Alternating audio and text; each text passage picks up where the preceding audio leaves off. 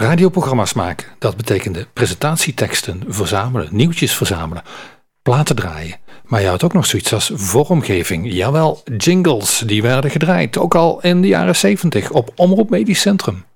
In de jaren 70 Jan Rulkens en in de jaren 80 technicus Steven Hulsker. Nou, ik, eh, nu draait er op dit moment dus een, eh, een klein bandje nog met, met eh, jingles die we, die we zelf gemaakt hebben hè, in die tijd.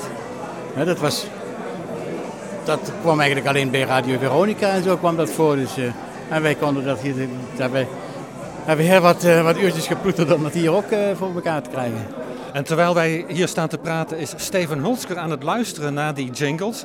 Eh, die klinken heel anders als de jingles van Radio Rijnmond op dit ogenblik. Ja, ja, ja absoluut. Ik, eh, dit klinkt Amerikaanser op een of andere manier.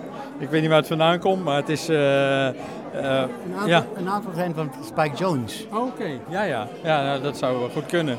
Ja, heel... eh, heel, ja, heel veel presence en eh, echt eh, om je erbij te halen. Dus eh, grappig. Maar, eh, ja. Herken jij dat als radio uit de jaren 70? Ja, absoluut. absoluut. Ja, dit, eh, dit li- klinkt heel erg jaren 70. Ja.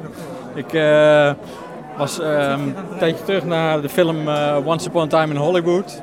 En dat speelt ook in die tijd, ongeveer eind jaren 60, begin jaren 70. En er zit ook heel veel radio in uit Amerika. En dat klinkt precies zo.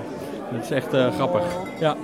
Steven zegt net de radio uit de jaren 70. Hadden jullie voorbeelden op dat ogenblik? Was dat Radio Luxemburg, Radio Veronica? Nou, vooral eh, Radio Luxemburg, want Felix draaide ook nog een eh, eh, Radio Lux- Luxemburg. En Jan Marutjak eh, is daarmee mee, mee verder gegaan, of, mee, heeft dat opgepakt voor de ziekenomroep. eh.